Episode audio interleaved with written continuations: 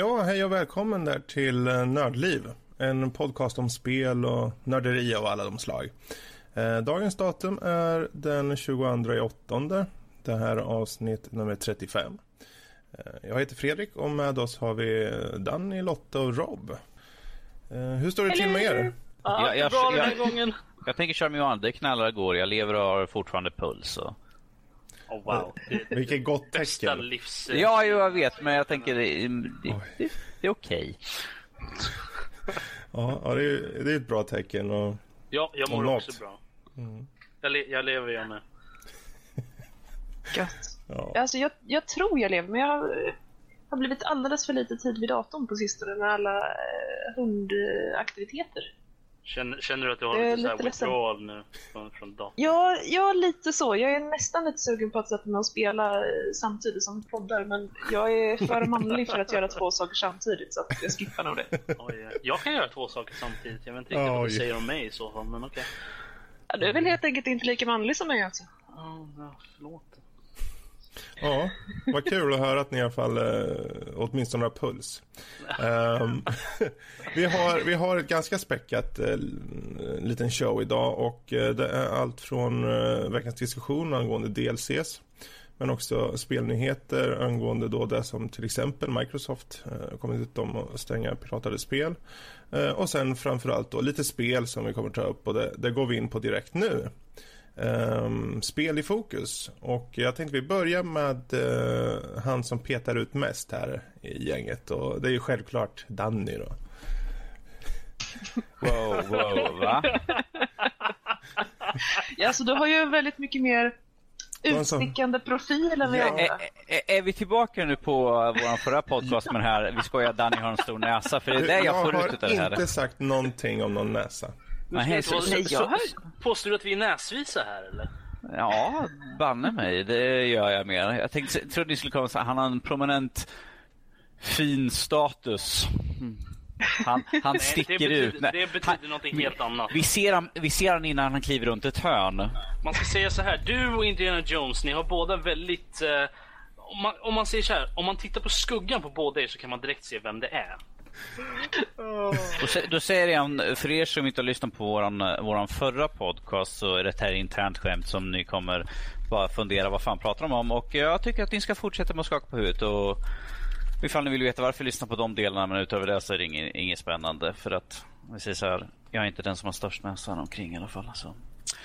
Men, men här, alltså. nu skiter vi där rakt yes. upp och ner. Uh, jag har exklusivt spelat två spel sedan föregående vecka och det är bara för att två stycken andra i den här panelen har spelat väldigt mycket på dem och det är Clicker Heroes och Adventure Capitalist. Uh, Adventure Capitalist vet jag att både Robert och Fredrik har spelat i alla fall. Intensivt. Clicker Heroes vet jag att Robert har spelat, men jag vet inte om du har spelat det Fredrik? Uh, nej.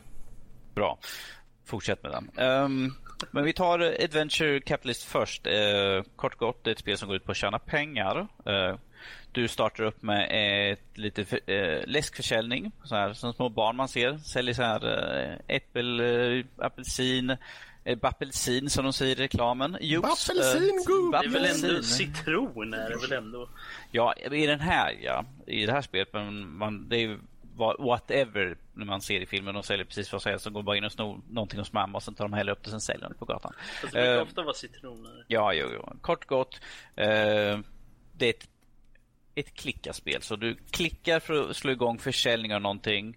Sen tjänar du pengar, sen fortsätter du klicka nästa gång, klicka igen, klicka etc. etc. Tills du har tjänat tillräckligt med pengar att du kan köpa en manager som sköter om ditt... Eh, så du inte behöver klicka utan att den tar och säljer automatiskt. Då tjänar du pengar hela tiden. Du, inte, du kan stänga av spelet, komma tillbaka om en vecka och så har du tjänat in några kronor kanske. Men grejen är att du måste tjäna upp en viss summa för att fördubblas försäljningen och det går snabbare och du behöver inte bry dig om så mycket. Så att du spelar spelet så att du sen inte behöver spela spelet längre? Det är mer eller mindre den typen av spel egentligen. Att mm. det, det, är lite, det är lite management. Du går in och kollar, ah, okej, okay, jag har tjänat in så här mycket pengar. Vad bör jag satsa mina pengar på för att kunna få ut maximal avkastning? Uh, klick, ja ah, men nu är jag slut på alla pengar för jag köpte en enhet på den här. Så, ah, ja, okej, men då får jag vänta en vecka och komma tillbaka. Det är mer eller mindre den typen. Uh, jag säger vad jag sagt förut att Fredrik är ju, var ju lite fanatisk på det här spelet. Han eh, uh, spelade på mobilen som han kop hade kopplat till sin dator. Han kunde man kunde sitta och prata med någonting så han plötsligt bara klick, klick, klick. Man bara lyssnar på vad jag säger. Han bara mm, ja, mm, mm, strax klick, klick, klick. Du spelar Adventure Capitalist. Ja, porr. Det är porr. Jag lovar garanterat. Um, så, så illa ställt är det. Fredrik, har du alla achievements i spelet? Uh, nej. Du har inte det? Jobbar du hårt på att skaffa det? Nej. Du har gett upp det? Det kom ju en uppdatering och precis när jag nästan hade nått det sista och eh, då ökar med 200 eh, någonting sådana här nivåer som man måste klå. Mm. Och då det tänkte jag att du får nog. Det var själsbrytande var det. Det var det. Mm, mm. Mm, mm ja, för jag var också, jag hade ett achievement kvar. Uh, det... har, Robert, har, har, du försökt få sista achievement? Alltså, jag har mer eller mindre gett upp på Adventure Capitalist, helt ärligt. Uh, för att uh, det är... Det, jag låter det gå i bakgrunden. Det brukar vara typ en 5-6 dagar nu mellan jag plockar upp det, jag startade. Uh, för att det är så det är ett så lång play helt enkelt. Jag låter det bara stå helt enkelt innan jag och så kommer jag tillbaka och ser att ah, men nu har jag tillräckligt många änglar för att kunna starta om och så startar jag om och så bygger jag upp lite mer och så så skiter jag i det i en vecka typ. Ehm, så att jag låter det bara stå för tillfället. Jag kommer till månen och allting och det månen är dryg om man vill vara så. Um, så att um, ja, jag har mer eller mindre gett upp, men inte riktigt. Ja, alltså, är det bara jag som tycker att det låter lite sån här Ja, nej men alltså jag har, jag har inte spelat på två veckor nu. Jag är, jag, jag är ren. Det är, jag, jag vill inte spela längre. Det, det är okej. Okay. Nej, alltså det är ju mest det att det är ju ett idle-spel. De, de kallas för det, de kallas för idle games. Det är sånt som bara står och går i bakgrunden. Du behöver inte riktigt hålla ett öga på dem hela tiden. Eh, alla som har spelat Cookie Clicker till exempel, vilket var en av de första stora fenomenen om det här. Uh, jag tycker vi får ta det som veckans diskussion någon gång. Alla de här klickerspelen. Alltså det, det, är ju Det är ju någonting, du kan gå in, du är där, du håller på med spelet i fem minuter och så stänger du ner det igen och skiter i det i typ ett dygn eller eller sex timmar eller något sånt där. Det är inte, det, du behöver inte hålla ett öga på hela tiden. Så det är, det är inte ett aktivt spel som du spelar utan det är ett idle game. Du låter det ha, stå i bakgrunden kanske, något sånt där bara. Så du behöver inte spela hela tiden. Det, det är ett sånt här eh, ska frustrerade spel. För det här, båda de här spelen är free to play och med andra ord, de vill att du ska tycka att ah, det går för långsamt. Bäst jag köper det här eller det här så att jag tjänar pengar snabbare eller får mer pengar så jag kan köpa den här uppgraderingen så att jag tjänar pengar snabbare. Eh, mm. Uh, och ingen av oss har ju uppenbarligen köpt något på det, vilket är totalt dumt. Jag, jag spelar ju som sagt vanligtvis också den här Simpson Tapped Out och jag kommer absolut aldrig lägga en peng på det. Jag bara, oh, gratis, EA, ja, sure, fine. Eh, det är också ett sånt här spel som jag bara tar upp någon gång ibland och sen liksom, ah, det kommer en uppdatering, vad är det för nytt nu? Ja, ah, titta, yay, de här är med nu. Klick, klick, klick. Sen stänger jag av skiten och glömmer bort den. De är inte lika illa som äh, som Facebook-spel dock. Där, man, där de har en sån här grej där de liksom vad ska man säga, du, du, går in, du spelar, du kan spela i typ 10 minuter eller någonting. Sen måste du, antingen så måste du vänta i typ en timme innan du kan göra någonting igen. För att din energi måste ladda upp eller något sånt där. Uh, eller så kan du köpa, för typ 10 kronor bara, så kan du köpa en sån här renewal grej så du kan spela i ytterligare 10 minuter. Och mm. de, det är ju såhär microtransactions, de tjänar ju multum på såna där grejer. Men ja, nej, de här är lite mer användarvänliga ska man väl säga. På det sättet att du, du måste inte köpa. Du kan sitta och spela hela tiden. Men de är inte riktigt gjorda för det. Uh, så att det, det är det du kan köpa om du vill men du behöver inte. Men som i Clicker Heroes, du har de här Rubies som i shoppen du kan köpa olika saker för. De kan du få inne i spelet om du klickar på en liten fisk som dyker upp lite då och då. Ja, men det är ju samma sak som i Simpsons Tap Out. Där kan du få donuts. Eh, och de kan du få kanske ifall du gör vissa saker. Alltså, som du går upp en level. Hej, får du två donuts. Du gör någonting specifikt i spelet. Kanske någon sån här challenge eller något sånt där. Så då får du några donuts eller något sånt där. Men jag kan ju ta upp det här Clicky Heroes. Clicky Heroes är ju också ett det här spelet går inte ut på att tjäna pengar eh, mer eller mindre. Utan här går ut på att spöa så många monster som möjligt. Du kan klicka, klick, klick, sitta och trycka där på monsterskärmen och den ryck, stackars fan rycker till hela tiden. Man bara, åh, hoppas det gör ont, hoppas det gör ont. Efter en stund så tänker man, börjar min skärm få en inbuktning här där, min, där mitt pekfinger träffar hela tiden. Det känns inte bra. Ja, men titta, jag kan köpa en, en hero. Vad bra. Då köper man en hero och så fortsätter den att slå automatiskt i en viss styrka. Och sen kan man uppgradera hjälten som man köper så att den slår hårdare. Ehm, och så kan man få tjäna såna specialkrafter som slår dubbelt så mycket i 30 sekunder. Ehm, och så är det typ en sån här nedvarvningstid för den abilityn i kanske 10 minuter och sånt. Ja, titta, jag har tjänat så mycket pengar. Ja, men nu kom det upp en till hero jag kan köpa. Då köper man till den hjälten också sådär. Jag känner att jag växlar mellan så här hero och hjälte här nu. Det är blandning mellan svenska och engelska. Men i alla fall. Uh, Vi är internationella här. Precis. Och i det spel som Robert sa så kan man köpa rubies. Uh, som man kan uh, köpa till sig uppgradering eller något sånt där. Jag, jag har kört det här och jag har tjänat in så mycket rubies att jag kunde köpa att alla mina hjältar får dubbel dubbel attackstyrka för resten av spelets gång. Det jag tror jag var 500 rubies. Ibland kommer det upp en sån här, det, man tittar på sina reklamsnuttar för andra spel. Uh, och det, det kanske är en typ 20 minuters litet filmklipp som spelas upp. Och sen kommer så här, bra, här har du 25 rubies. Eller så kan man gå in själv och klicka och se en trail. Då får man 5 rubies per gång. Så det gjorde jag en gång. Så jag bara, jag ska se vad den här kraften är. Sen satt jag typ 10 gånger och klickade och kollade. Jag, jag satt ju då satt jag, med, jag satt ju och spelade något annat vid sidan av. Så jag slog bara igång tailen, ljudet av på min surfplatta och sen var det liksom, ja ah, det är klart, oh, grattis jag har tjänat, gör det igen. Så det är lite hjärndött spel tycker jag. Så... Det känns som att det här, att eh, just Clicker Heroes är lite mer, vad ska man säga, aktivt än vad just um, vad Adventure Capitalist är dock. Eh, det, det, är lite mer att göra också istället för bara okej, okay, ja, nej, men jag har köpt allt jag kan göra, vad gör jag nu? Om du rundar av Danny. Om jag rundar av. Jag tycker inte det här klassificeras som spel. Det ger mig ingenting. Jag, jag känner liksom inget... Det känns mer som att oh, jag måste gå in och klicka igen för att kunna öka på allting så att jag kan komma vidare i spelet. Det är ju det, det, är det här som de, för, de förväntar sig att folk ska bli. Ska vi frustrera sig? Jag, jag vill bara komma vidare till den här. Jag, vill, jag köper lite Ruby så kan jag liksom uppgradera massvis och så kan jag går snabbare. Samma sak med Adventure Capitalist. Det är det här, de väntar på att folk ska bli frustrerade på att oh, det tar så lång tid. Jag måste tjäna, så här, måste tjäna 512 stort D för att kunna köpa den här nästa stora uppgraderingen. Och jag, ifall att, fan, jag slänger lite pengar på så går det snabbare. Och det, det i sig tycker jag förstör allting som har med spel. Så fort det står free to play då, då blir jag mer den här No, nix, det är inte värt, det är inte värt min tid egentligen.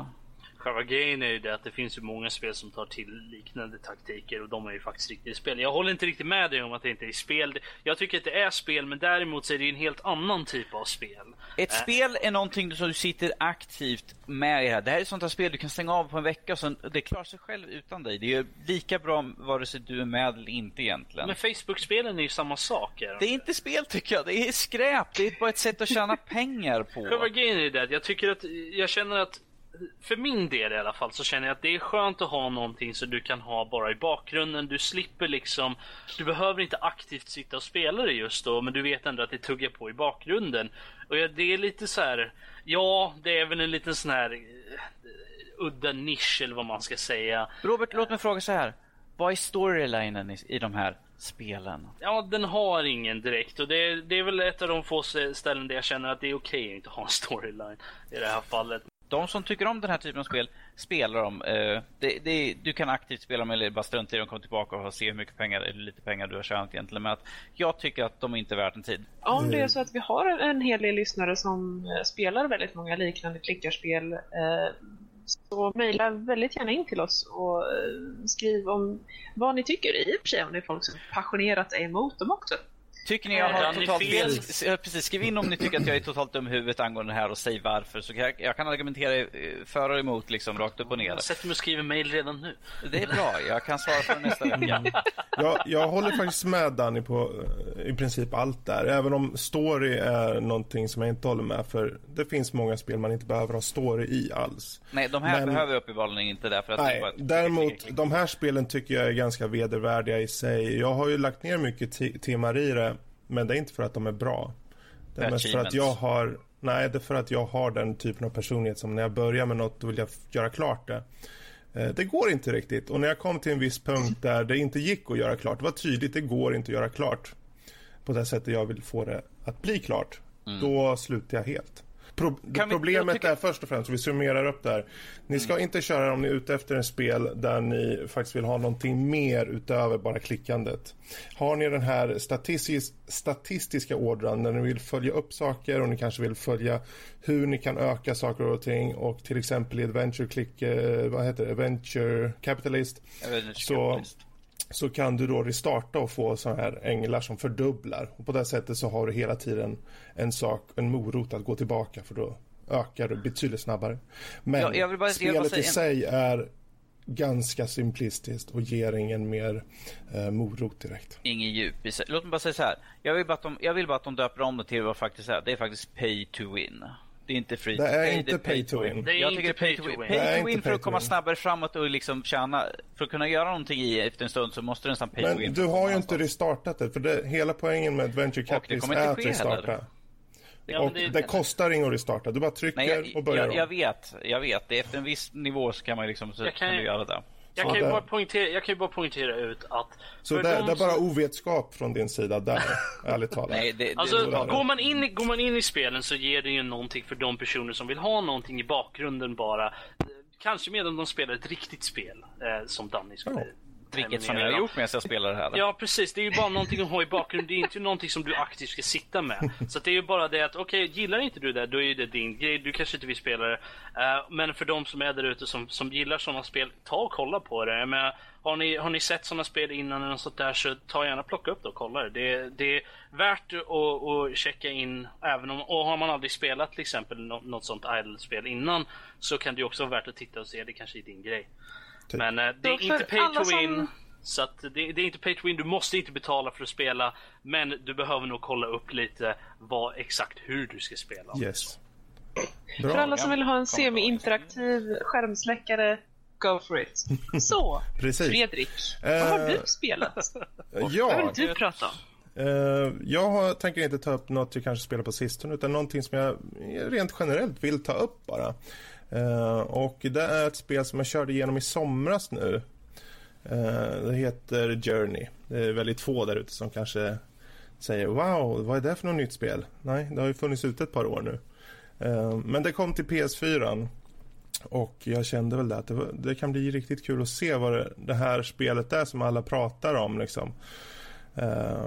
och om, man, om man ska rent krasst titta på det Eh, på pappret liksom vad det innehåller så kommer alla tänka att ja, det här, det här är ju inte ens, det här är ju inte ens ett spel. För du, du har ingen direkt story till början i alla fall. Det finns en story om du faktiskt tittar noga, men det är inget som sägs rakt ut. För det, det sägs ingenting, varken på engelska eller på hittepåspråk eller någonting. Du har hieroglyfer som berättar. Um, men eh, sen om du faktiskt sätter dig ner och spelar det här så börjar du med en karaktär beklädd i en typ röd robe ute i en vidsträckt öken. Och eh, där du har att göra är att egentligen börja promenera. Du ska ta dig till ett berg. Och det är hela spelet. Eh, under resans gång så kan du träffa på andra filurer som är andra spelare men det finns inte något sätt att kommunicera mer än, att, mer än via ljud. Uh, varje karaktär får ett specifikt ljud så du har bara ett ljud som du gör då. Uh, men den skjuter upp... Ulf? Ja, ungefär. Ulf!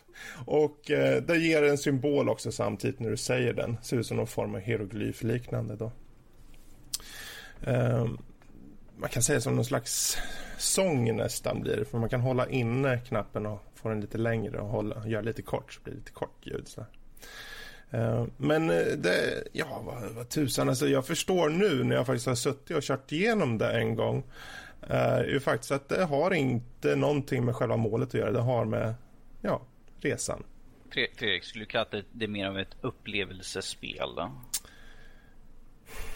Det beror på vad du definierar som upplevelsespel då. Alltså själva utforskandet. Det är mer att du upplever istället för att ha en drag-storyline. Ja. Det är mer att du upplever, du träffar på folk. Uh, ja. För, för, man kan ju träffa på andra spelare utan att... Det är ingenting sånt som är satt att det är liksom ett... Det är inte ett rent single play-spel. Du kan faktiskt sätta på andra mm. i det ju. Exakt. Ja, det, det, på det sättet kan du tänkas. tänka som upplevelse. Du kan ju dessutom om du vill springa runt och titta exakt överallt. Men ofta så vill du liksom känna att ja, men jag, jag rör mig mot ditåt. Liksom. Jag tar mig bortåt. Och hela tiden är det väldigt, väldigt vackra landskap till en väldigt vacker musik som, som, som ligger som en matta eh, över spelet och gör det väldigt behagligt faktiskt. Du, eh, ibland vill du bara springa runt och glida ner för sanden och eh, bara se vad som finns runt hörnet och ibland så vill du bara ta det vidare. Eh, spelet i sig är inte så långt, eh, kanske ja, tre timmar. Två, tre, fyra som högst kanske.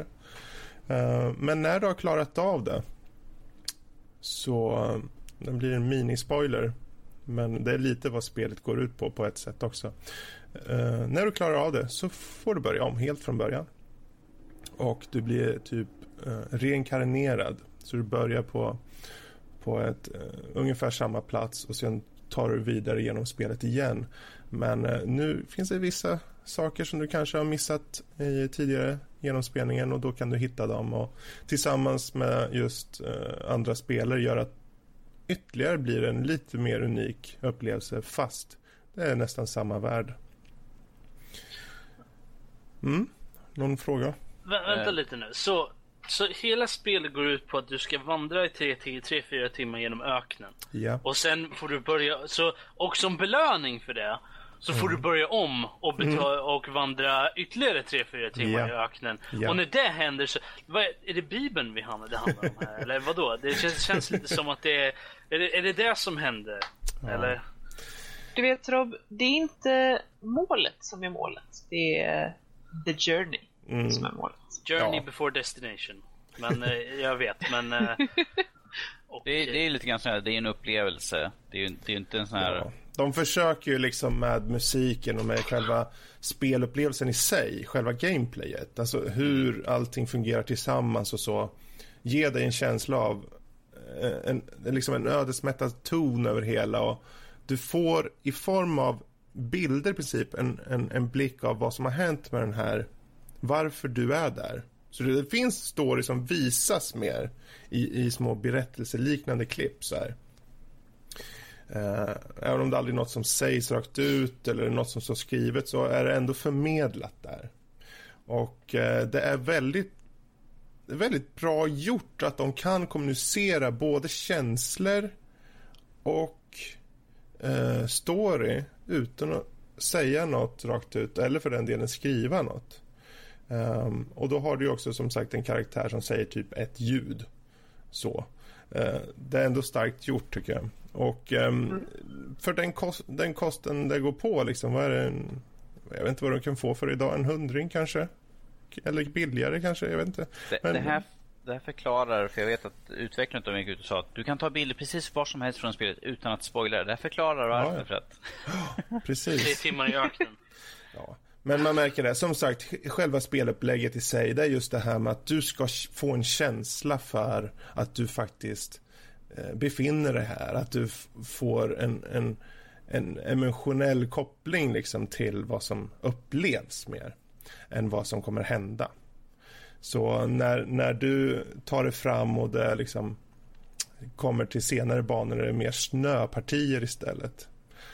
Så när pi, vinden uh, pinar dig i ansiktet och allting är bedrägligt liksom så, så är det ändå jävligt vackert och du fortfarande får en bra känsla för att den här karaktären du har, den är verkligen utsatt och, och allting är verkligen jobbigt i det här läget liksom.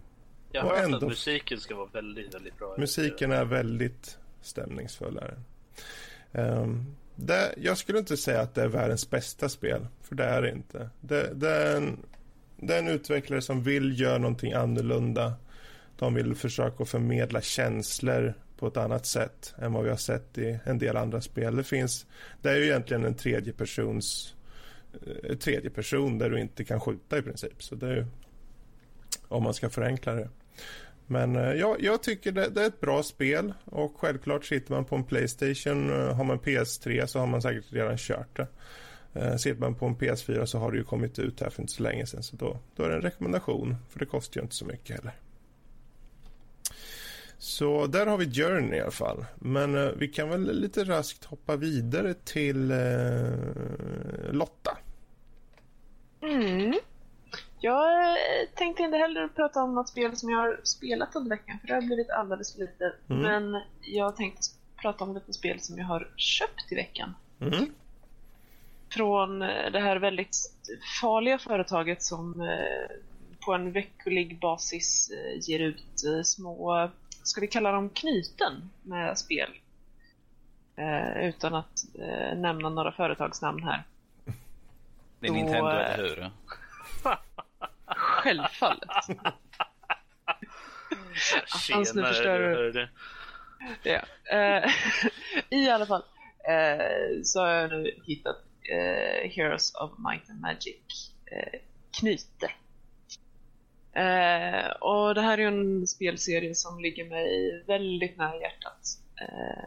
det första jag började köra var tvåan och det var en demo som kom ut i och med releasen då 96.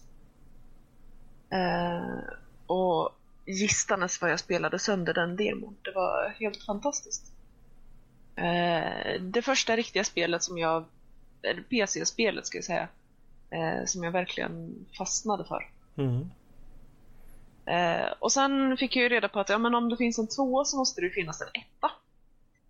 Logiskt tänkande. Ja, och oftast. sen kommer ju allas... Ja, oftast. Inte alltid, men det händer. Um, och så vidare. Uh, så att, um, ja. Det, det, är mig en väldigt kär spelserie. Um, det är ju alltså ett, ett uh, turbaserat uh, fantasyspel. Uh, ett strategispel där du bygger upp din stad. För de som inte vet det här. Och så går du runt med en hjälte på kartan. Eh, och så stöter du på monster som du har ihjäl med dina trupper som du har eh, tränat då in i din stad. Och sen tar du över fler städer och så tar du över hela kartan. Och det är helt glorious. Um, och jag hävdar, det här är den mest eh, opopulära åsikten jag har om hela spelserien. Jag hävdar att det bara finns fyra spel. Punkt. Eh, alla spel, alla, ja men alltså alla spel som har kommit efter fyran som har påstått att det har varit Heroes of Might Magic-spel, de ljuger. Okej? Okay? Vilka lögnare. Ja, ja det är de. Usch fy. Eh, jag för jag har, sanningen att säga har jag inte spelat sexan något vidare mycket. Eh, men femman gjorde mig grymt besviken. Och trots att alla säger att ja, men det är jättestor skillnad mellan fyran och de första tre och femman har gått tillbaka till de första tre. Nej, det var vad Ubisoft försökte med i och med femman. Jag påstår att de misslyckades kapitalt. Att visst, vissa grejer är mer likt. Man kan inte längre ta en enhet av monster bara som man kunde i fyran. Eh, tidigare så hade man då behövt en hjälte Eh, med då ett antal monster i sin armé och sen gå ut. I eh, fyran så kunde du då ta bara eh, hjälte eller bara monster eller en monstertrupp och gå ut. Och det har de då ändrat på till femman. Men nej, nej. Eh, hela känslan i Heroes of Might and Magic-serien är för mig borta efter fyran. Eh, så det är lite svårt. Mm. Vi får hoppas att det blir en lite uppstyrt med nästa del, kanske? Ja, precis. Eh, det finns ju alltså en sjua. Eh, fast den, den heter inte längre Heroes of Might and Magic, den heter Might and Magic Heroes 7. Eh, som ska bli väldigt intressant. Det är en beta som börjar nu den 26 mm. och håller på till den andra i nionde. Eh, som jag är fruktansvärt sugen på och som jag faktiskt också har en betanyckel till. Mm. Det har jag med. Så... Vi får ju se om vi kan styra upp någonting och se om vi kanske kan göra en liten spelsession eller någonting på det. Mm. Du, jag tänkte faktiskt fråga dig Lotta. Hör du. Jag har en polare som är stort uh, Here's a Magic Magic fan också. Och han eh, Mm. påstår då att trean är den absolut bästa av dem. Eh, är det något som, ja. du, som du håller med om där? Ja. Det är det. Vad, vad är Ja. det som gör den till den bästa då? Eh, ja, alltså om vi börjar från början. Eh, ettan, ettan är, ja den är söt, visst. Eh, den släpptes ju alltså 95 enligt Wikipedia här i alla fall. Eh, och ja, den har ju några år på nacken. Eh, det kan man inte komma ifrån. Eh, Fördelarna med tvåan framför ettan var att det blev bättre grafik, det blev större variation på monstren och så vidare. Eh, nyare musik och så vidare. Så att tvåan känns väldigt mycket som en uppgradering av ettan. Trean. Trean börjar vi få riktigt bra grafik. Eh, det är vettiga animationer eh, när man går och så vidare. Och det är det absolut främsta tycker jag med trean. Det är känslan. Eh, det har ju då olika typer av slott, olika typer av lag som kan köra. Och i trean så har man verkligen fångat en unik känsla med varje lag. Eh, och jag kan egentligen inte riktigt säga att jag alltid föredrar ett framför de andra. Och eh, för någon som brukar ha nästan samma speltyp, eller spelsätt oavsett vilket spel jag har, så är det lite av en eh, bravur, ärligt talat. Eh, För att alla, alla slott har sina poänger i känslan. Har du, eh, har du kollat på eh, remastered-versionen som de gjorde av, av trean? Nu, Nej, jag har ju inte det, men det var en av anledningarna till varför jag köpte det här knytet. Eh, För att där finns ju, det kommer ju alltså ut, eh, som du säger, en HD-version, remastered. Var det förra året? Det Tidigare i år tror jag till och med. Eh, Ja, så så. Ja. Ehm, tror jag, tror jag nämnde det på podcasten eh, vid något tillfälle. Att, eh, ja, jag har för mig att vi har tagit upp det vid tillfälle. Så att, Ehm, så att det, det, det bara undrar för att jag Mm. Har inte hört någonting mer om det direkt. Jag vet att det släpptes och sånt där men jag vet inte om det var någon som hade eh, om det var eh, något värt att ha i så fall. Jag, menar, jag kan ju tänka mig det eftersom det är en HD-version bara. Precis som Age of Empires, de släppte ju en HD-version av den. Eh, och det är ju bara en HD-version av spelet helt enkelt som funkar på moderna datorer. Men eh, Mm. eh, jag tänkte bara om du hade, hade eh, haft en liten gander på, på det spelet. eh, Eftersom du är, du är så stort fan. Precis, tyvärr inte ännu. Det har varit alldeles för mycket päls i, i mitt huvud för att det ska få funnits plats för några spel, tyvärr. Det är Ehm, bokstavligt Men, talat. en gång till. Och det är bokstavligt talat. Ja, ja faktiskt. Men det är en helt annan podd. Ehm, men eh, den, det är ju väldigt mycket bara att de har uh, touchat upp eh, grafiken, uh, så vitt jag förstått, och gjort den kompatibel med nyare hårdvara och operativsystem. Eh, Se när, även- du, när du har spelat det får vi se vad du tycker. Får Mm. återkomma och ge oss ett betyg eller något sånt där. Ja, precis. Nu har jag inte kört den gamla trean på, ja, säkerligen eh, ett och ett halvt år någonting. Så att eh, det ska bli väldigt trevligt att komma tillbaka till det. Kul. Ska bli Det finns intressant ju också att en, höra lite angående det här sen. ja, och det, det finns ju också en eh, storyline hela. Och jag har ju egentligen bara kört delar av den tidigare. Så att det är någonting som jag tänkte eh, titta lite djupare in i den här Mm. Awesome. Se hur den traverserar genom de olika spelen. Mm. Men eh, jättebra, men där har vi fått oss lite av eh, Heroes i alla fall. Det är bra. Ehm, om vi hoppar då till, till Rob. Du hade ju ett spel du ville poängtera lite angående. Så. Jo, jag vet att jag har nämnt det i en tidigare podd. Jag kommer inte ihåg, det var förra året någon gång till och med tror jag. Uh, jag införskaffade Broken Sword 5, The Serpent's Curse. Uh, Mm. Den senaste kickstartade release uh, i serien då. Uh, där vi, jag spelade igenom, jag köpte ju och spelade igenom de fyra innan och så körde jag femman och jag har äntligen spelat klart den nu. Sist där ett år senare eller någonting. Um, men eh, ja, nej, men det, det är uppdelat i två delar, men nu är det ju en, en full release. Den släpptes ju som två stycken och det är ett märkbart eh, hopp eller liten avslutning i mitten då. Men eh, när, man in, när man spelar hela fulla spelet så är det inte så att du behöver gå ur och byta till nästa del eller något sånt där, Mm. utan den, den byter seamlessly till, till eh, del två in i själva spelet, eh, vilket är rätt nice. Och eh, det, det handlar ju då om eh, George Stobart och, och Nico Collard igen. Eh, de eh, två superhjältarna, eller superhjältar men de är hjältarna från, från Broken Sword-serien då tillba- tillbaka igen. Eh, och eh, jag, vill inte, jag vill inte prata så mycket om storyn egentligen, för storyn är faktiskt väldigt bra.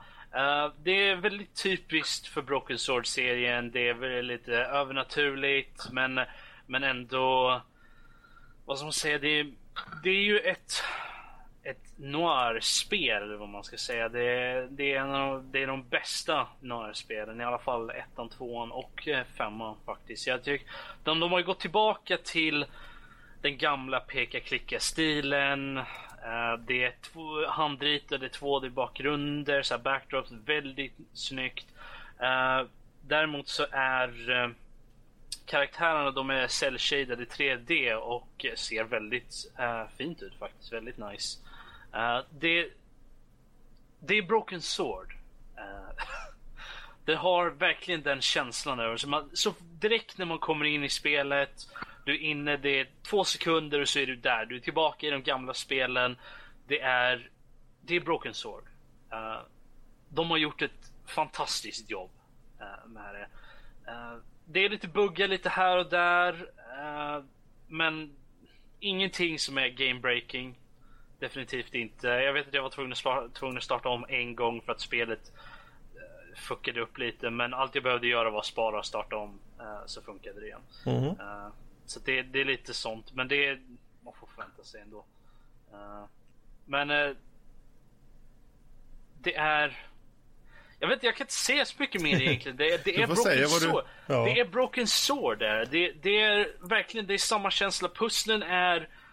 De är komplicerade, de är svåra och komplicerade men inte allt för svåra och komplicerade. Och de har ju verkligen skalat tillbaka. Det är verkligen den typen av svårighetsgrad på pusslen som var i de första två spelen innan de gick över till, till 3D-versionen och allt sånt där. Där det var väldigt mycket putta block hit och sådana grejer. Dra en spak här, spring hit, dra i den, flytta och sådana saker. Nej, det är inventory combinations, det är eh, du ska leta ut, okej du, okej jag har en text här, okej jag har en till grej här, okej kan jag lista ut vad det är för någonting? Hmm, och lite sådana grejer. Jag, jag, jag kan ju erkänna att jag var tvungen att ta till en walkthrough, tror tre gånger i spelet. Eh, och en av de gånger var att liksom jag, jag försökte inte ens pusslet för att det var ett musikpussel och jag kan inte. Det, nej. Du är tondöv. Ja, jag, jag klarar inte. Jag kan, jag kan inte med uh, musikpussel. Så att uh, den var jag tvungen. Men det finns ju också ett hintsystem inne i själva spelet. Så att är man lite lost eller något sånt där så kan man ju faktiskt kolla uh, hintsen och uh, man kan även prata eh, med andra karaktärer och de ge, kan ge en, en liten hint. Uh, är den andra karaktären med där som man spelar ju primärt som, som George Stobart och om Nico är med så kan man prata med henne och hon ger en liten hint om kanske vad man ska göra härnäst eller, eller så. Så att uh, det finns ju alltid det, det, finns ju alltid hjälp att få in i själva spelet. Och som sagt, många av pusslen är inte är svåra eller komplicerade, men de är inte allt för svåra. Uh, så att man behöver bara leta sig runt lite. Och det, det är inte så att du kan fastna någonstans heller uh, direkt. Uh, så att det, det, det, är inte, det är inte allt för svårt. Mycket av det är ganska logiskt. så att det, det, är, det flyter på, på bra. Storyn, den är den börjar smått och så blir det större precis som det är i alla andra Broken Sword-spel. Mm. Och har ni inte spelat dem så fy skam, gå och spela dem. De finns på GOG allihopa. Precis. Ja. Ja, det, är, det är en klassisk serie det här. Är det ju. Ehm, Det, definitivt. Den, Och, den, är upp, eh, den är uppe där bland, eh, bland Monkey Island. Där, precis. mig. Det är så kul också just med, för den här femman, när kom den ut? Eh, den första delen kom ut 2013, andra delen 2014. Mm, för jag tycker det är kul ändå att det fortfarande kommer ut och det här episodformatet känns som den passar liksom, för den typen av spel. Särskilt när det är en historia som man nästan, ja men jag vill veta vad som händer i nästa del och så vidare till exempel. Så jag kan tänka mig att det passar bra. Eh, och det ger också utvecklaren en möjlighet att kanske, ja men vi behöver inte sätta all, alla pengar i en skål. Vi kan faktiskt kanske försöka portionera ut det så vi får göra varje del lite bättre. Hoppas i alla fall att det Ja, jag hoppas att de kommer göra eh, fler. De gjorde ju en, en remastered version av ettan och tvåan för Mm. ett par år sedan. Så att, eh, som kommer som går nu att spela på, på moderna datorer. Och de finns ju att köpa också. Ja. Så att, och de märkte ju då att det, fann, det fanns ju marknad för, för Broken Sword fortfarande. Så jag hoppas att de kanske gör en, en sexa en dag. Nu, jag, jag kollade upp det där och Revolution, de som gör eh, Broken Sword då, de eh, har ju inte någon plan på att göra en sexa just nu, men de håller på och jobbar med eh, tydligen rumors say uh, Benita Steel Sky 2. Coolt. Så att, eh, Ja. det är en av de där klassikerna som jag inte som Det- är på min lista över spel jag inte Det är en riktig klassiker, ja. Ja, ja den, är gratis, den är gratis på GOG. är den. Precis.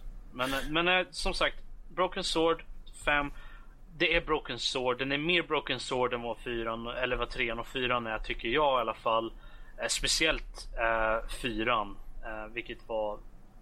Ja. Så att det, det är En klar rekommendation helt enkelt. definitivt. definitivt. Yes. Jättebra. Men eh, med de eh, fina små orden så hoppar vi vidare till eh, lite spelnyheter. Eller nyheter rent generellt om det är så. Eh, och ehm, ja, Danny. Vad har hänt i veckan? Ja, det händer väl massvis under veckan. Men det som vi specifikt tänkt ta upp idag om vad som har hänt under veckan är ju det här lite grann om eh, Windows 10 som har kommit ut och många använder eh, Robert, du är, den, du är väl den enda som har det installerat väl, eller? Så vitt jag vet. Ja. Eh, jag håller precis på att installera Win 10 på min laptop just nu. Sätter mina Jaha. default settings Där ser man. as we speak. Okej.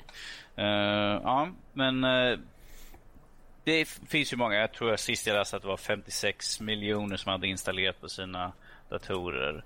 Uh, grejen som är just nu är ju att i det senaste eh, uppdaterade avtalet som man alla måste klicka i liksom när du installerar någonting, till exempel Windows. Att det är den här 58 000 sidor långa som man bara tar och scrollar rakt igenom eller bara klickar så här. Ja, jag har förstått. Godkänn. Är ju det att eh, nu kan eh, Microsoft gå in och kolla ifall du har piratade spel.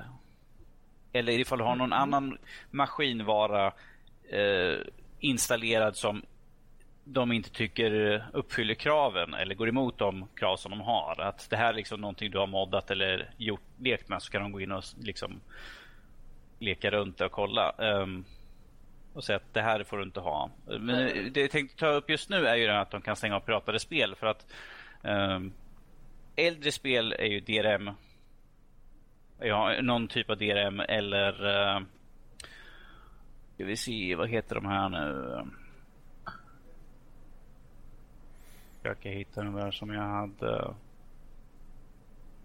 Ja, ja skitsamma. i det. Eh, Men det här är ju ifall du har någonting. Det här är mest för att folk tycker att det är ett intrång på ditt privatliv. Att de kan gå in och kika. För att jag vet det är många saker som är installerat och kommer så att Ja, men ifall du godkänner det här så kan vi gå in och kolla på bla, bla, bla. Det är samma sak när du installerar eh, nya saker att på din telefon. Ja, men då har vi tillgång till din kontaktlista och allt sånt där. Och ibland det man installerar sånt där man bara eh, nej tack. Eh, Jag vill helst inte att någon ser mig att man måste godkänna för att installera. Och eh, egentligen tycker jag ju det är lite fel att de kan göra sånt. Men att man har ju inget val.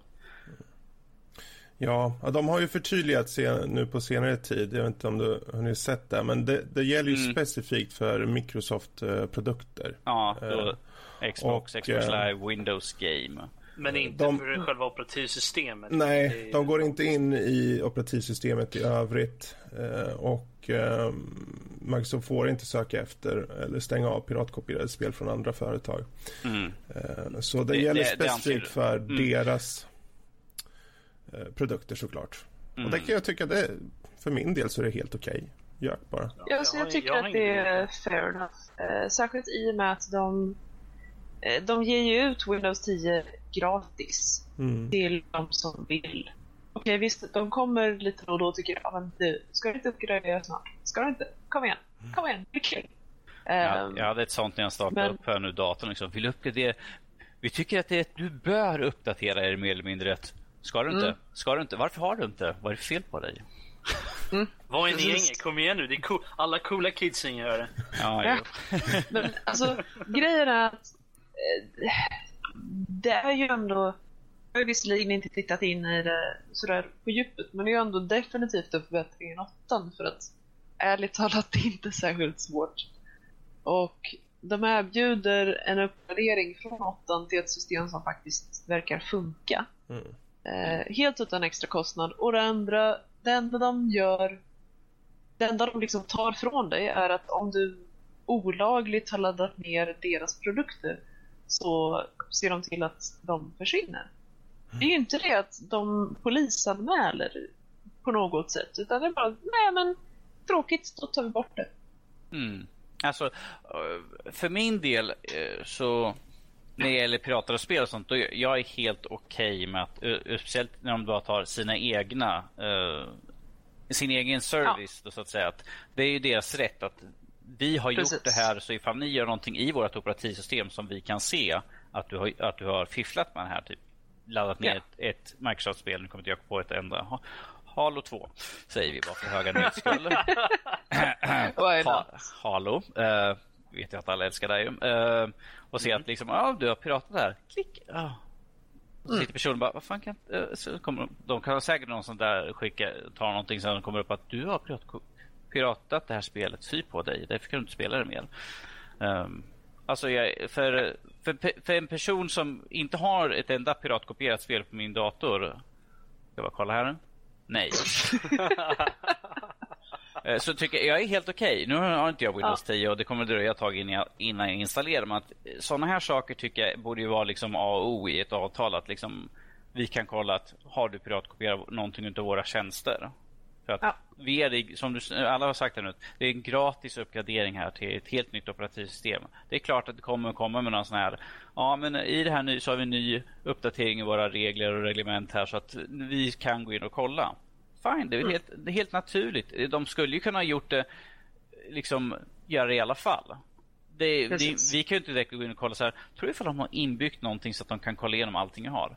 För det skulle de kunna ha gjort till ett som helst. Men här går de ut på att vi, ska, vi kommer kunna kolla, vi kommer kolla Ja. ifall du har någonting på din dator som du inte bör ha.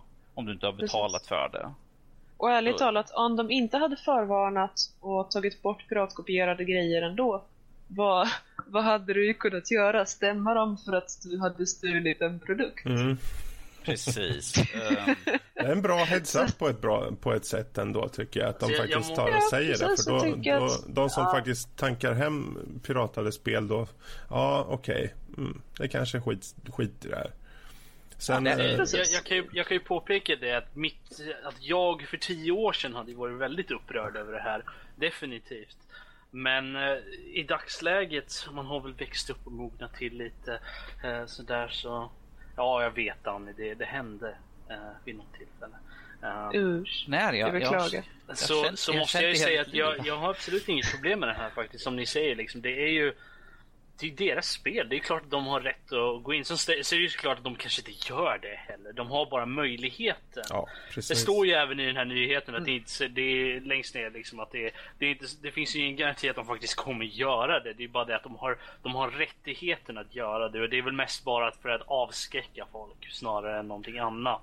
För jag tror inte de kommer lägga ner resurserna på att uh, sniffa igenom varenda persons, uh, privatpersons datorer efter Om nej, illegala säga spel. Liksom. 56 miljoner som har installerat nya operativsystemet och sitter och går igenom alla de datorerna ska, för att se Mm, liksom, I ifall någon wouldn't. har ett piratat spel. Ja, eh, precis. Det, det, det är lite, det, det är ju mer, det är ju en, en mer av en avskräckningsgrej. Det är, det är lite av en, Mm. en, eh, en spökhistoria snarare än någonting annat.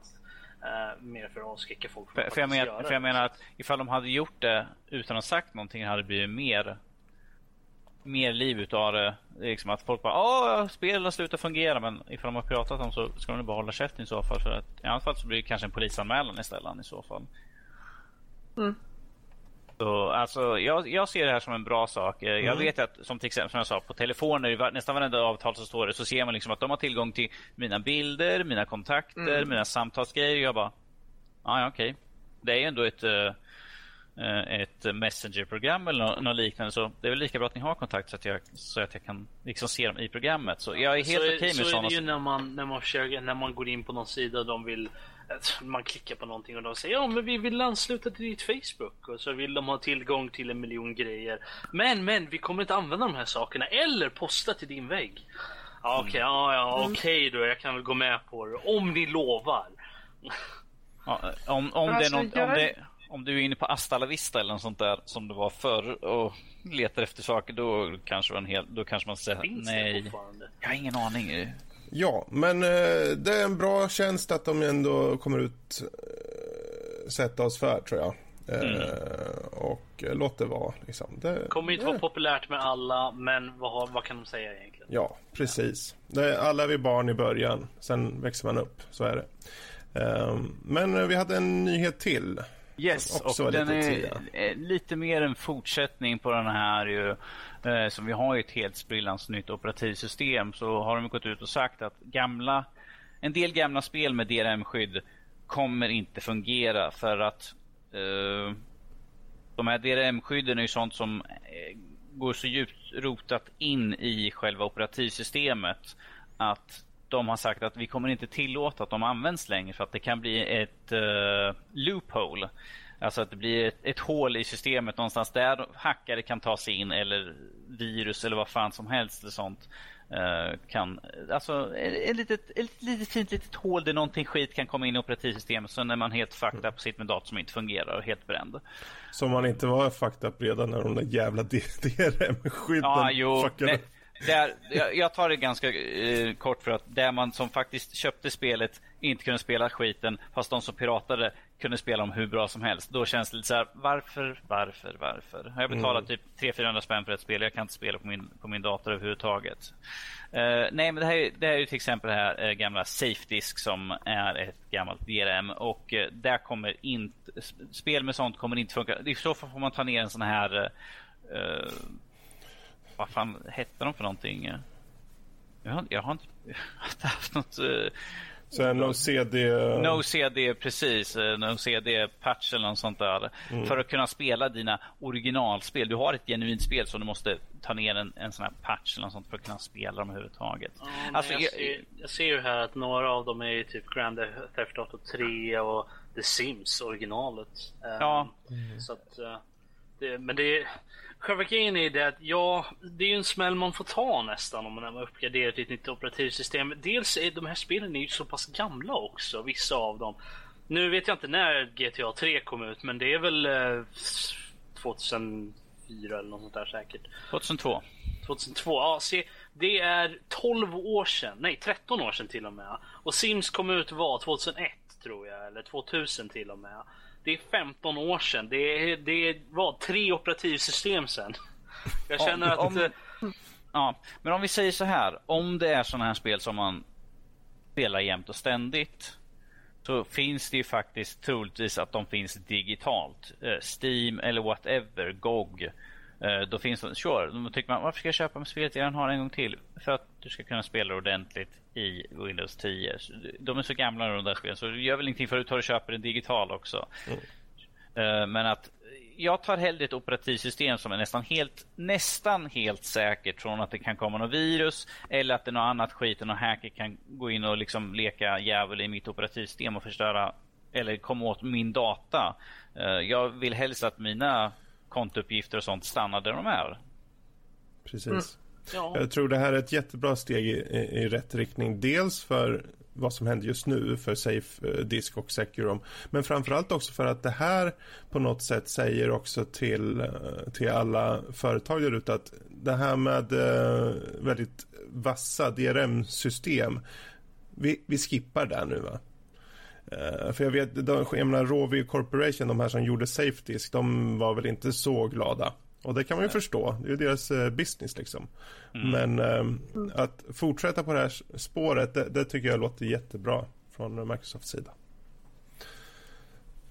Yes, men ja, vi kan väl runda av hela den här um, lite spelnyheterna, eller nyheterna för den här veckan och istället hoppa vidare till veckans diskussion.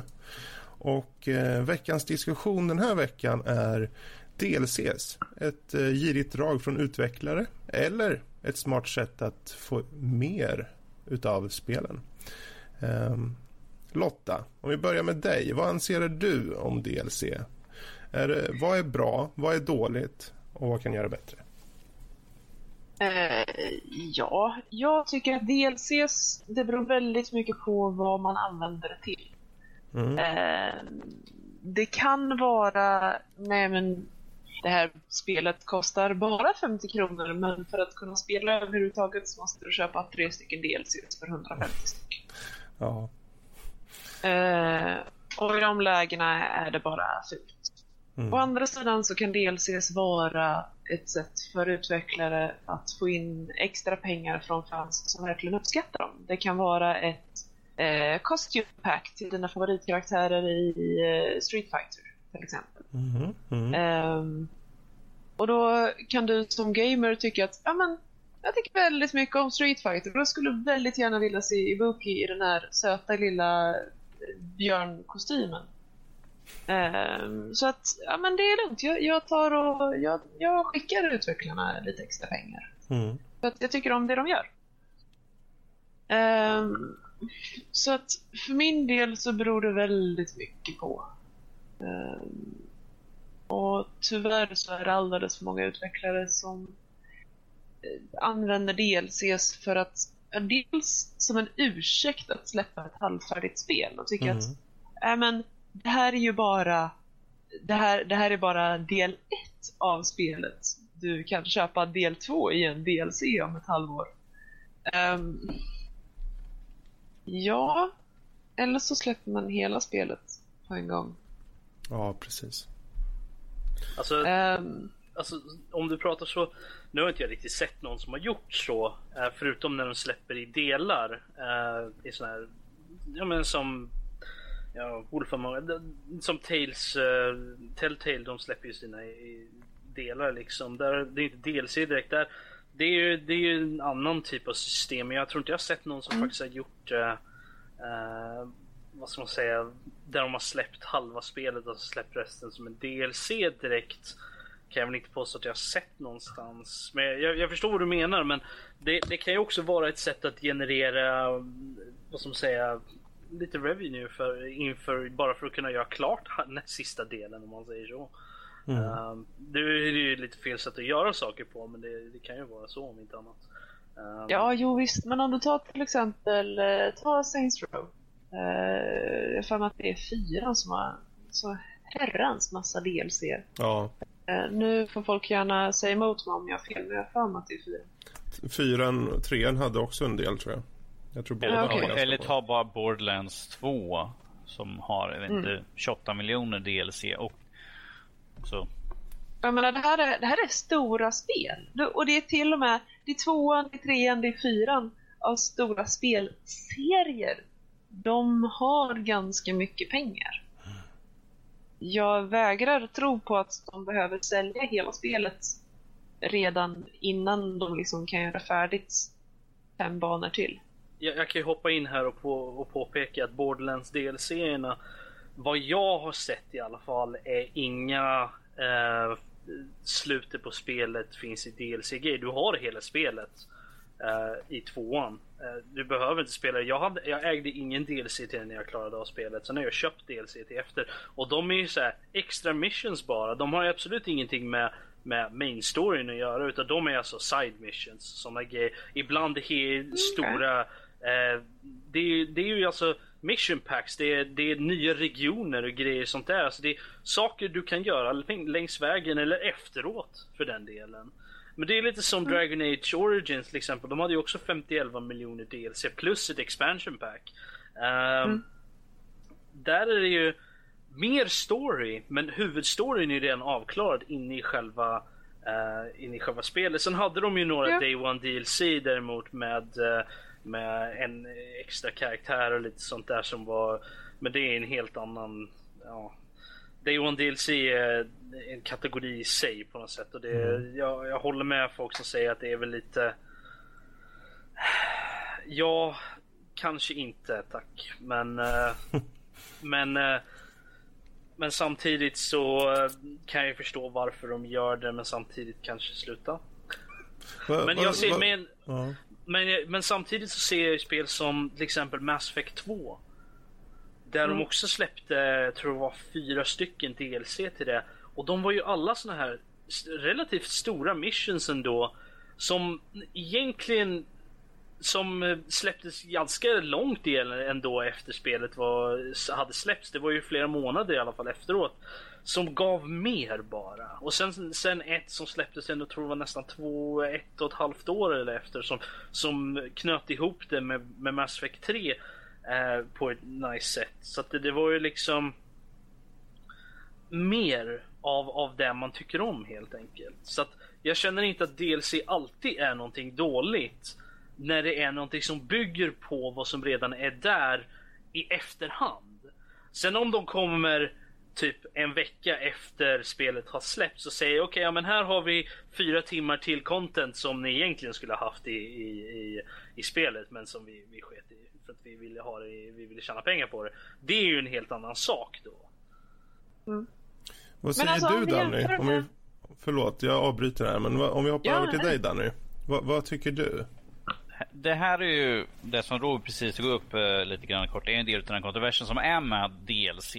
Att väldigt många anser ju att DLC är ju sånt som får, de har liksom lagt lite grann på is bara för att kunna sälja senare. De har det egentligen klart men att lägger det vid sidan av och säger men det här kan vi sälja för några, några några kronor till vid sidan av fast det redan är klart nu.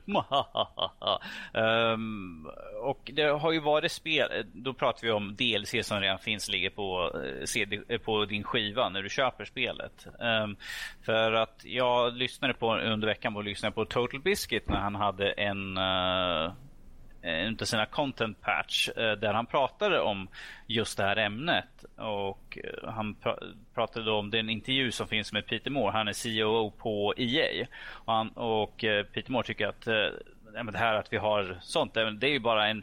Det, det som ligger på skivan är ju bara en bas för de här DLC som vi ska ha senare. Att vi kan inte bara slänga in rakt upp och ner utan vi måste ha någonting redan liggande där vi lägger in sen DLCn. Alltså en platshållare för DLCerna. Eh, de har ju redan bestämt att så här många DLC kommer vi ha och vi måste ha någonting i spelet redan inbyggt. Så att det är där ni har hittat ignorera allting mm, i våra framtida mm. skivor. Fast det har kommit fram att väldigt många spel har ju faktiskt DLC. För att jag vet, jag, har, jag köper DLC lite grann till och från för att jag vill fylla ut på storylines och sånt där. Och då märker man så här, okej, okay, oh, spelarens DLC den ska tydligen vara jättestor. 52 kilobyte. Wow, mm. det är väldigt litet. Okej, ja, okej. Det låser bara upp någonting som redan ligger på skivan. Okej. Mm. Och då har vi till exempel Assassin's Creed 2 så fanns allting som alla DLC fanns redan på skivan. Det var bara att du, du betalade för, för en liten kod som låste upp det helt enkelt. Vilket jag Assassin's Creed 2 känner jag är ett jävla specialfall. Det var inte snyggt hur de gjorde det faktiskt. För där var det ju liksom, den hoppade från, vad var det, Memory Sequence 5 till 8 eller något sånt där för mig. Eller 5 till 7 kanske var, för det var två som fattades. Mm. Uh, eller nej, 58 blir det. Uh, så att 6 och 7 var ju alltså DLC. Mm. Och den bara, den glossade över det med en voiceover där den säger ja ah, nej men de här memories de kan vi inte komma åt men åh oh, titta nu här är vi tillbaka wow. Mm. Och så mm. hade det hänt saker liksom. Och de kom ju i DLC senare. Och man kände liksom att okej, okay, det var ju lite udda. Nu, nu, mm. nu, nu, tänker jag låta lite gammal, men eh, i, just det här när vi pratar om DLC generellt så tycker jag att det var bättre för för då hade vi expansions, expansioner istället. Ja, vad hände med det? Varför bytte vi från att ha en stor maffia-expansion för att, till... För, till... för att fler i mindre format säljer och ger mer pengar. Köper du, som till exempel, eh, vi kan bara ta Diablo 2 hade ju en stor, vad hette den för någonting mm. Fredrik? Eh, mm, Lord of Destruction, tror jag. Ja. Och det var liksom, det är som ett ah, hela spelet igen. Det är så stor var expansionen på det egentligen. Ja. Uh, att där, där fick du valuta för pengarna. Nu ser vi till exempel uh, uh, i Dying Light som vi har pratat om. Robert har ju spelat det och de släpper snart en ny expansion där de, den kartan för, för den nya DLCn är lika stor som alla de andra kartorna i, det i i själva huvudspelet. Där ser jag mer som en expansion. När det är alltså, större än själva mm. spelet i sig. Jag, måste nog, jag, jag skulle nog påstå att det är nog bara det att de har bytt namn. DLC står ju för downloadable content och mm, det, är ju, det, det, det, är ju lite mer, vad ska man säga, det, det är ett lite mer beskrivande ord än vad expansion pack kallas. Eller vad man ska säga. För, för det är ju någonting du laddar ner bara. Det är ja. ju inte någonting du går, det är inte som Sims liksom och du går ut och köper i butiken längre. Det är, det är ju inte så det funkar längre. Men så det är därför som Robert, har bytt namn bara. Den primära skillnaden är ju att en DLC kan vara allt från ett skin till ett vapen till, bara, till, till, till voiceover och sånt. Medan en expansion var allt. Mm. Det var hela paketet. Jo, D jag DLC, vet. DLC, DLC är mer liksom ge oss pengar. Fast om paket. man ska vara ärlig där, om man kollar i backspegeln så var det ju många skitexpansioner där det var faktiskt bara väldigt lite innehåll. Mm. Uh, jag tror nog att det, vi, det finns utvecklare som vill göra bra DLCs och så finns det de som bara vill tjäna pengar. Man får um, vara en bra konsument och kolla och försöka förstå vad du faktiskt köper innan du köper. Det är helt Sims, upp till användaren. Om, jag, jag, kan, mm. ja. jag, jag, kan, jag, jag kan bara hoppa in två sekunder och säga det. Att Sims 4 har ju delat upp sina DLC i olika, kategori, olika kategorier har de gjort.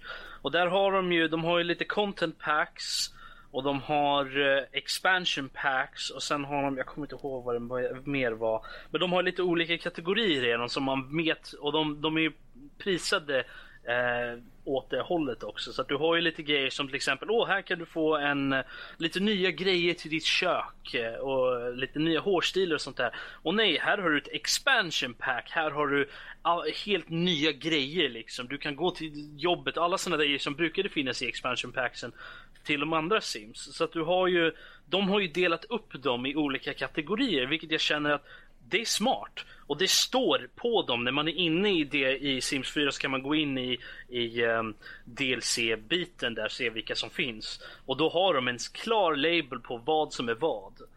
Mm. Så att man inte råkar köpa någonting som, man är, som är mer eller mindre. Det står även vad som är i dem och allt sånt där. Jag tycker att det är exakt vad vi borde ha i nästan alla spel. Klara kategorier för vilken typ av DLC det är. Men det där är ju lite mer att, eh, för eftersom vi har fått DLC nu för tiden så har vi också något som heter Season Pass, vilket då är du kanske får en 4-5 DLC i, i en pack. Eller de här, de, våra framtida DLC kommer du få till ett rabatterat eh, pris. Um, men då har vi spel som till exempel uh, Borderlands 2 där de egentligen skulle behöva haft två season pass för att de har så de himla har mycket. Har de två stycken? Har de, har de faktiskt haft en till season jag pass? Är, jag är ganska säker på att de, att de hade, jag är inte säker på att de hade två season pass. För jag vet att season passen kanske täcker upp i deras fall, vi säger nu bara, jag, kan, jag vet inte siffrorna, vi säger tio stycken för att de har ju allt från skins och vapen och sånt där. Men att de har ju släppt så himla mycket för att de vet att de tjänar pengar på ju fler de släpper att de skulle behövt flera season pass. Det skulle varit en season, season one pass, season two pass. De har ju, de har ju vissa, uh, jag tror de heter Headhunter uh, uh, DLCn och de är, det är första season passet täcker första säsongen och sen har de en säsong två. Men det där Borderlands 2 kom ju ut för några år sedan också så de har ju haft tid på sig. Mm. Nu är inte jag säker på exakt hur gammal Borderlands 2 är. Uh, men uh, jag, ska, jag ska ta dubbelkolla bara. Uh, det lades in på Steam i... Um, om den, ladda sida. Nej, Steam blev dum 2012. Så det är Mm. tre år gammalt ungefär. Ja. Så att du, du har ju då väldigt mycket DLC för ett spel som kom ut för så pass länge sedan. Och, mycket, och flera av de DLCerna kom ju ut 2014.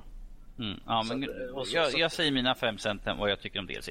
DLC i vissa fall är det typ en jättestor, eh, om vi tar Mass Effect till exempel. De har haft väldigt stora, som vi sa, eh, DLC med story, story, storydriven DLC. Sånt är helt okej som släpps senare. Det Man, man ser att när man laddar ner att ah, men den laddar ner två gig. Ah, ja, okej. Då är det ingenting som ligger på skiva. Ifall det är saker som ligger på skiva, då är jag helt emot det. Ifall, det ser, ifall jag ser att det står typ att den bara laddar ner typ 10 kilobyte eller sånt där, då, då, då känner jag mig ripped up faktiskt. För då tänker jag att men det finns ju redan på skivan. Lite surt. Eh, Jag är helt, jag är helt okej ifall en DLC som släpps ett par månader senare man, man märker att det ser inte ut som någonting annat i spelet. Det är liksom någonting de arbetar på. Det är en väldigt stor fil. Då är, då är, jag är mer okej okay då. Annars, annars känner jag mig liksom blåst om pengar och tänker att det borde jag haft redan från början. Men det, det är också en del av kontroversen eh, som sagt med att väldigt mycket av sånt som de har. För att när ett spel går till Gold, alltså när de ska iväg och när de skickar iväg att ah, men börja printa ut skivor för spelet. Det är då alla andra i eh, som jobbar på dem tar liksom och börjar på, på att arbeta på allting annat. Då är det helt okej med allt som de gör efteråt. Men sånt som redan finns, som de är klara liksom lägger vid sidan av för att sälja som, enbart som DLC. För det här är en stor industri nu. Det här är en mångmiljonsindustri med DLC. Det är jag väldigt mycket emot. Och, men tyvärr är det vi som köper skiten som har gjort att det här behovet finns. För att vi tänker åh, det kommer en DLC på det här, jag måste köpa. Åh, det kostar lite grann, åh, men jag vill ha lite mer. Och de ser att folk köper ju allt. Ja, alltså det är ju här som vi konsumenter kommer in och måste faktiskt bestämma. För så länge det går så kommer de göra det. Ja. Vi, vi, vi kan sitta och liksom vara sura på det hela och tycka det är dumt när vissa utvecklare gör på det sättet. Men om vi köper det så köper vi det. Jag personligen är inte är ganska ambivalent över DLCs överlag. Jag känner om man kör spelet i sig eh, och eh, ofta så är det ganska mycket timmar. Eh, ja, jag, jag är ganska nöjd med det. Och är det så folk vill köpa DLC så är det jättebra. Var, var duktiga på att kolla upp innan ni köper. Vad är det ni vill ha för något? Vad är ni ute efter? Och basera ert beslut. Är det så att ni känner att det är girigt från utvecklarna så som de har byggt det, skit i dem. Låt dem stå där. Och om alla gör så, då kommer de försök, förhoppningsvis sluta med det också. Så. Ehm, vi tar även där, jag tycker vi, vi, vi har haft en ganska bra diskussion om, om just DLCs. Det, det mycket starka viljor och det är precis så som det ska vara. Och med det sagt så hoppar vi över till eh, lite annat, lite nördigare än vanligt om man så säger. Ehm, Ja, så kan vi det. vi kan det. Eh, och jag tänkte faktiskt så, vara så oblyg att jag faktiskt tar och eh, tänkte prata lite om en eh, liten comic. Oh. Eh, och eh, den här heter Rat Queens. Ursäkta mig. Rat Queens heter den. Jag var nämligen uppe i Stockholm här för ett antal veckor sedan och ja, du var ju med Norskis. Japp. Eh, och vi stannade till på Comic Heaven där en gammal god vän jobbar och jag fick tipset då eh, om just den här serietidningen Rat Queens. Uh, story av Curtis J. Eh, vibe och uh, art uh, direction eller ritad av Rock Upchurch. Jävla coolt namn där. Um, och jag har varit väldigt glatt överraskad. Det, det är i princip en, um, en fantasy-serie, komisk, um, med mycket svärande som fan. Mycket svärande. Det handlar om fyra tjejer. Eh, det är en rockabilly eh, elf mage som heter Hanna. En sån här eh, hipster dvärgkrigare som heter Violet som hela tiden rak, som har rakat av sitt skägg för hon tyckte att, att det inte riktigt passade henne. Men hon förstår Var det för mainstream? hon tyckte att ja, det var för mainstream att ha det. Ehm, Och sen har vi en ateist, en präst som är Di. eh, Wait, kom- say, say what? Precis. En ateistisk präst? Ja, hon kommer från en familj Okej. av typ så här Lovecraftian monsterkultister. Eh, Jätteudda. Och slutligen har vi sån här, någon form av hippie-halvling. En tjuv då som heter Betty. Eh, och eh, hennes grej är att hon går runt och käkar hela tiden. Om det inte är liksom eh, mat så är det typ droger och godis. Det är hennes grej. Det Ehm, låter precis som den halvlängdsmannen jag spelade en gång. ja, Vänta, är, är inte godis mat? för henne är det mat. Men eh, de här i alla fall, de, man får följa dem på lite äventyr och liknande och det är ganska så blodigt också. Och ganska rått på hur, hur, hur, inte nog med du får se blod, du får se typ huvuden skäras av och testiklar flyga i luften och vad fan som helst. Och de liksom hela tiden tar upp och poängterar angående det här. Samtidigt som de har hållit en ton av modernism på det sättet att de till exempel för in saker som, som vi på en gång känner igen och säger men det där, det där är ju som en mobiltelefon. Fast då istället så har de en, eh, en magisk sten där de kan liksom använda för att via formler prata med sin mamma till exempel, en karaktär. Så de för in eh, fenomen i vår nutid i den här fantasyvärlden. Och du får bara egentligen följa de här fyra badass-tjejerna i deras liksom quests som de har. Och det är mycket anspelningar mot eh, datorspel eh, till viss del, särskilt Dungeons and Dragons och liknande. Eh, och eh, där jag köpte då uppe i Stockholm är just första volymen av det här. Den heter Volume 1, Sass and Sorcery. Och det sätter mycket stämpeln på faktiskt hur, hur det här är. För det är, liksom, det är, det är som ett love letter till D&D och fantasy överlag fast i en modern twist då. Eh, och där på just den här våldet och framförallt jättebra skriven dialog gör att det är en riktig guldklimp. Den kostar inte mycket alls. Jag tror man kan hitta den på CD-ON för inte så länge sedan för 50 spänn hela den här volymen. Idag kanske hundring. Så eh, mitt tips är att eh, köp Rat Queens. Eh, gillar ni comics som är väldigt, väldigt snyggt målade, eh, väldigt bra art direction på det, så då har ni ett bra tips där. Det- Det är redan när jag skrev ut kan jag säga. Det lät Mm. väldigt spännande. Precis.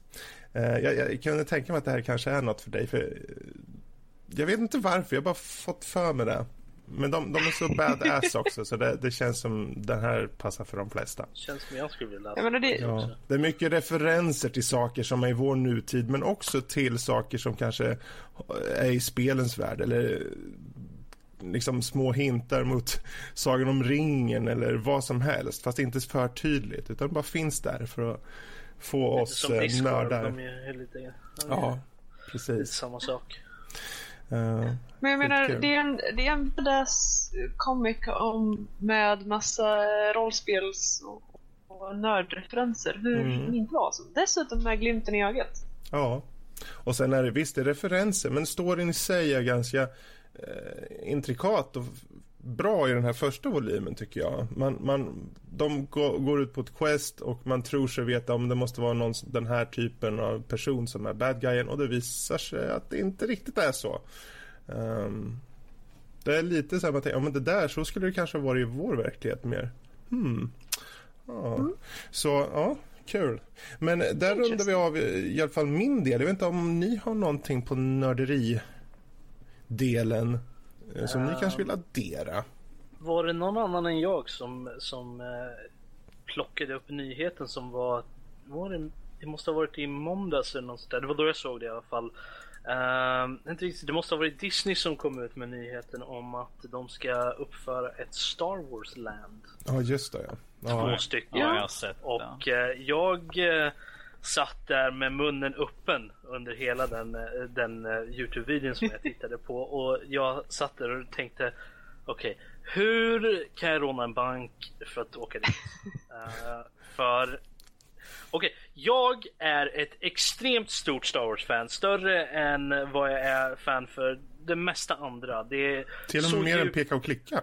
så djupt nere i min själ är jag ett Star Wars-fan att det, jag måste åka dit. Jag måste.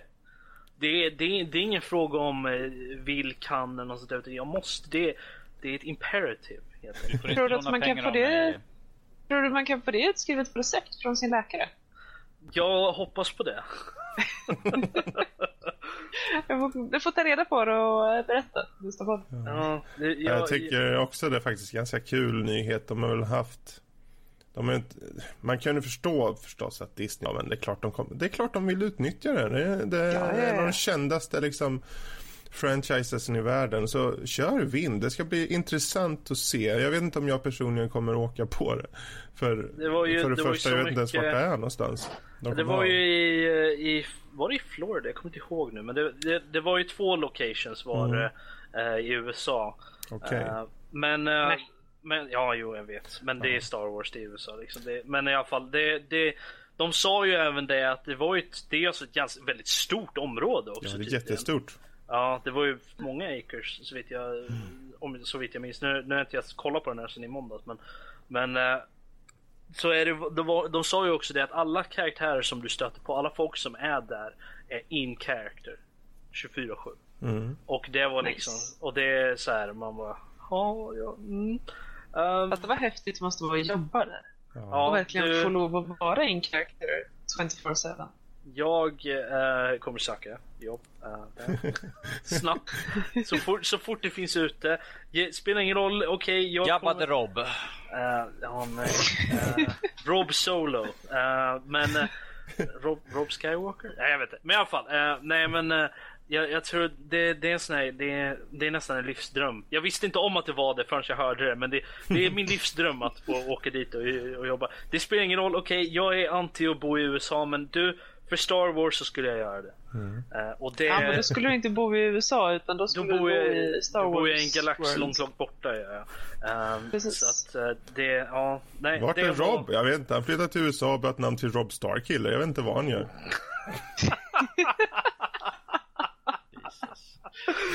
Oh I would. Nej men det, det är stort nörd för mig. För Mm. jag hade en extrem, vad ska man säga, nerdgasm för den där. Eh, Det var, det var, det var inte en, det var inte två, det var många och de var continuous och ja. Jag var utmattad efteråt. Men eh, Oj det, jag vill inte veta. Det, Nej, det var, det var verkligen, det var den nyheten jag såg. Jag, jag, jag har aldrig varit så överraskad och så tagen av, av en, en nyhet på väldigt, väldigt länge. Det var verkligen så här, jag satte... ja ah, men okej, de kommer ju annonsera någonting, lite så Star Wars, ja. Kommer vara en liten del av Disneyland eller sånt där. Nej, nej, stort jävla, och, mm. Ja, vi får, där har vi något att se fram emot. Det är väl inte klart förrän runt 2018. Uh, Något sånt säkert. något Så att, sånt. Det är många år fram i alla fall. Det, jag tror det skulle vara klart 2017 men man vet aldrig. Det kanske tar en liten stund till. Vi kommer vara så gamla så innan det är klart. Ja, och det är då i, i Man är aldrig för USA. gammal för Star Wars. Eh, sen får vi se en vacker dag. Det kanske, jag menar, går det bra så det är klart det kommer till de andra då tror jag. Jag menar Paris är Star inte Wars så långt Land, ifrån. Hällefors. Ja men i Paris är det närmsta eh, Disneyland vi har. Ja. Ja. Eh, så där vore ju inte, inte alls långt ifrån egentligen. Så egentligen. ja, ett par timmar med flyg så är du där. Vi hörs om några år när jag, när eh, jag har varit där och kan eh, prata om det. Yes. Och det är det sista ni hör Robert här i podcasten på ett par år nu. Så han kommer inte vara tillbaka tydligen. Nej. Men äh, gött mos, där har vi lite Star Wars på Mm. också. Det är ju aldrig fel. Ehm, vi hoppar väl över till lite mail. Vad säger du Norsken? Har vi fått några sådana? Jaså, vill du ha lite mail? Ja, okej. Eh, vi kan ta upp det här. Vi har det från eh, Malik. Eller Malik. Får Mm. ursäkta ifall jag uttalar fel här nu. Men jag är en tjock gammal norsk uppenbarligen med stor näsa. Och Flint. Okej. Ja, jag är absolut inte bitter. Hej! Ni hade en kul start. Kul med Halo-snacket. Jag hade Xbox när jag växte upp, men jag tyckte aldrig om den redan då. Risiga spel det där, så håller med. Kan ni ta upp om all jävla mobbing som händer online? Särskilt Halo är ju ett klassiskt exemplar. Känns som alla är idioter som man pratar med där. Kanske bättre nu, vet inte. Tack för er podd. Riktigt rolig, Malik.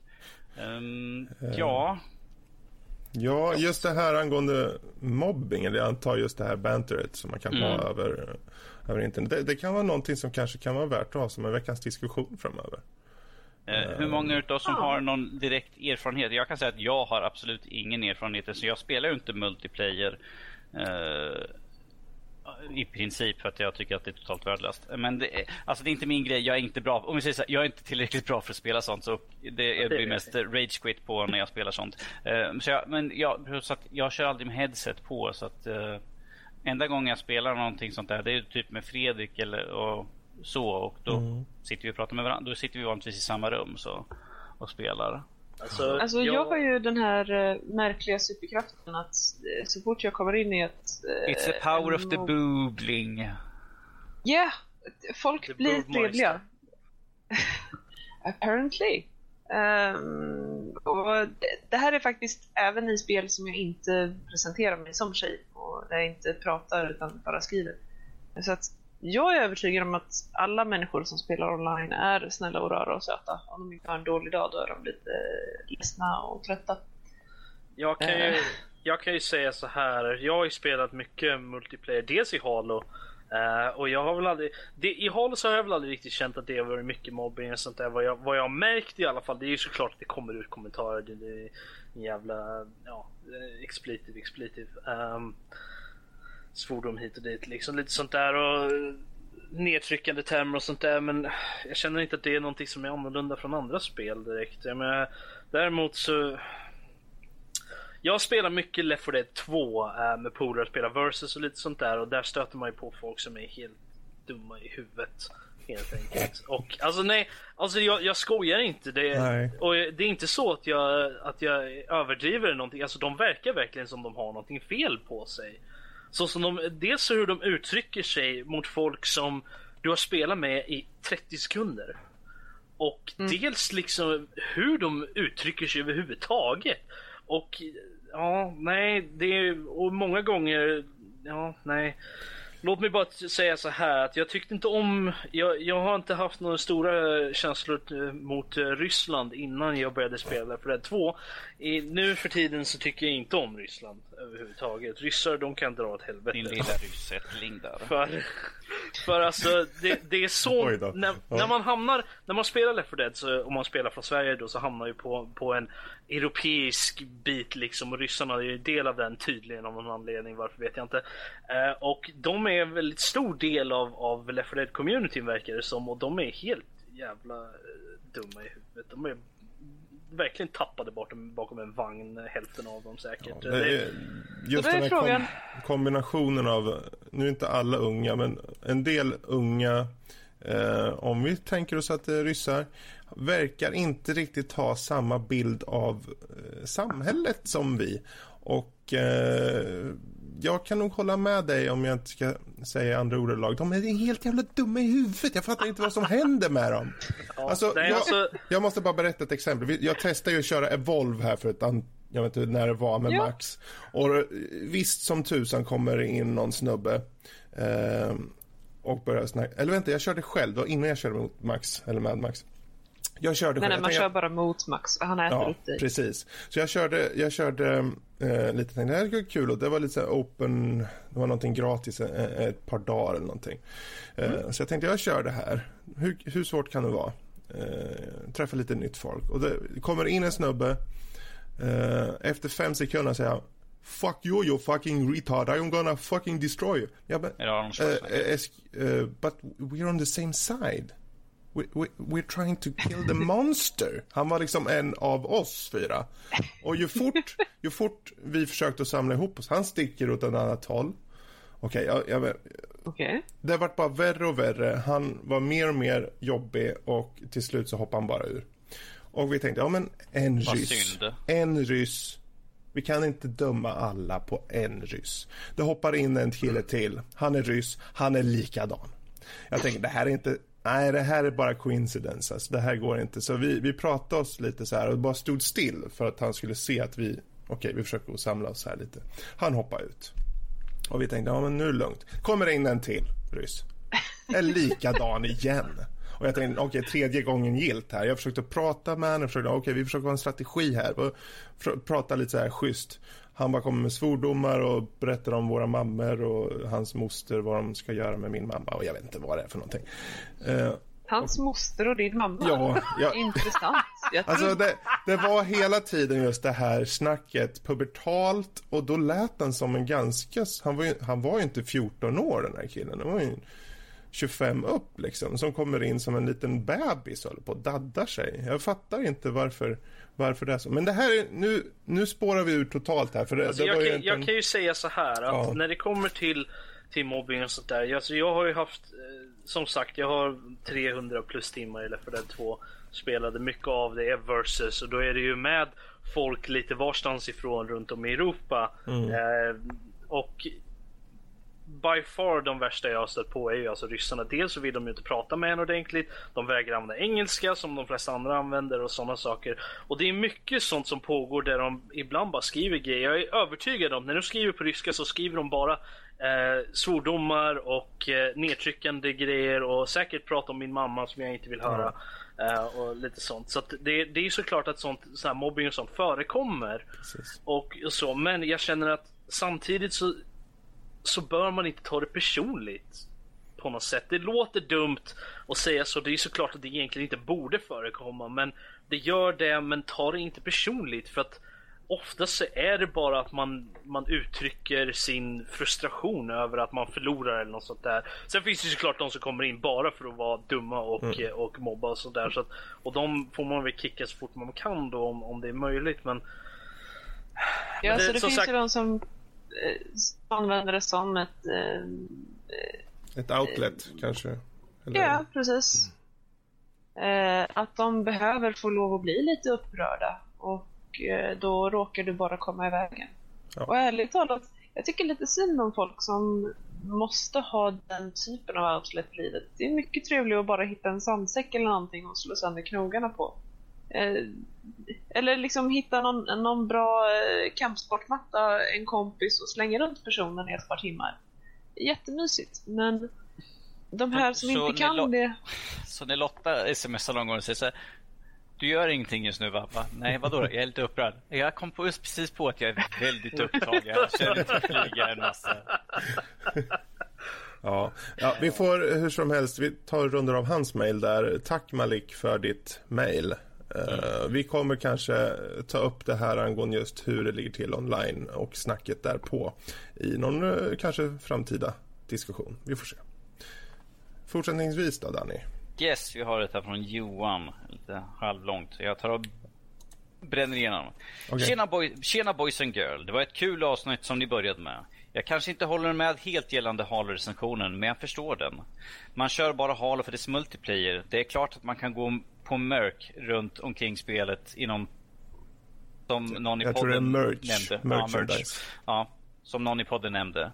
Men jag håller med Fredrik om singel, singelspelsupplevelsen. Det är ganska tråkigt skrivna och ingen bok kommer hjälpa det. Spelet står inte på egna ben typ. Däremot så är multiplayer-läget på dessa spel the shit. Jag hoppas Fredrik ändå provar på detta. För det är där för det är det roligt och det är där spelen är hemma. Särskilt från tvåan och framåt. Kul episod! Kommer ni ta upp Dead or Alive-serien något? Det är Xbox för mig i alla fall. Tja, hej hej, John. Hans tagline var Halo Master Race, haha. Alltså jag, kan- jag kan ju hoppa in här direkt och säga som har spelat mycket. Nu flyttar vi in lite i det föregående vi pratade om. Men alltså just när det kommer till multiplayern i Halo. Jag måste påstå, jag säger faktiskt att den är väldigt, väldigt bra. Uh, och den är inte, det finns ju i eh, både fyran och eh, jag tror det fanns i trean till och med. Alltså där man kan gå in och välja Nej, det var nog från, från Reach och framåt så, så hade de ju faktiskt en option där du kan gå in och välja att du vill spela med folk som inte använder mick till exempel. Så Ja, att, de eh, har de options, ja man kan Ja, välja så att du, du behöver inte, du kan ju prata, du kan ju skita i att prata med folk helt enkelt. Och, så där. och de har väldigt bra matches, de har väldigt bra eh, matchmaking, där den funkar väldigt bra när den, när den funkar, vilket händer ibland den inte gör. Men den, den har blivit bättre den också. Ehm, och eh, de har bra game types, de är intressanta och eh, man kan spela i timtal när man väl sätter sig ner. Eh, I alla fall enligt min åsikt. Och eh, har man några polare så kan man ju slänga in dem också. Man kan sitta och köra. Det går att köra team, det går att köra versus. Sorry att knaka. Um, uh, så att det, det finns, jag måste ju påstå att, att Halo, um, multiplayern är väldigt, väldigt solid och eh, jag saknar den faktiskt. Jag har inget guld så jag kan inte spela. Ja, ja, det var ju precis så som han sa där att han tycker det är eh, the shit. Alltså riktigt bra. Och eh, att jag ska prova det. Ja, jag ska väl försöka prova det då. Det är klart man måste prova det. Jag är nyfiken ifall du ens kommer kunna göra för vi vet ju alla att uh, Master Chief Collection är ju ett jävla clusterfuck som jag har sagt väldigt många gånger. Här. Ja, visst. Buggar och så, men man måste ju prova i alla fall. Det, efter ett år så, så, kan, kan man ju tycka att de borde ha fixat i alla fall multiplayern lite mer. man tycker ju det, ja. uh, Men angående just Dead or Alive-serien som man sa där, vi får se mm. just uh, fighting-genren där. Det är väl lite mer åt kanske Lotta och Max håll. Mm. Uh, så mm. vi får väl se. Dyker upp så dyker det upp. Det är ett av spelen som står på listan kan jag avslöja. Mm. Jättebra. Det, Då kommer vi... det är ett väldigt um, snyggt spel att titta på kan vi ju mm. säga. Vi kommer definitivt gå djupare på det här framöver med Lotta i spetsen. Då. Uh, ja, bra. Men tack för det mejlet Johan. Om du fortsätter då, Danny.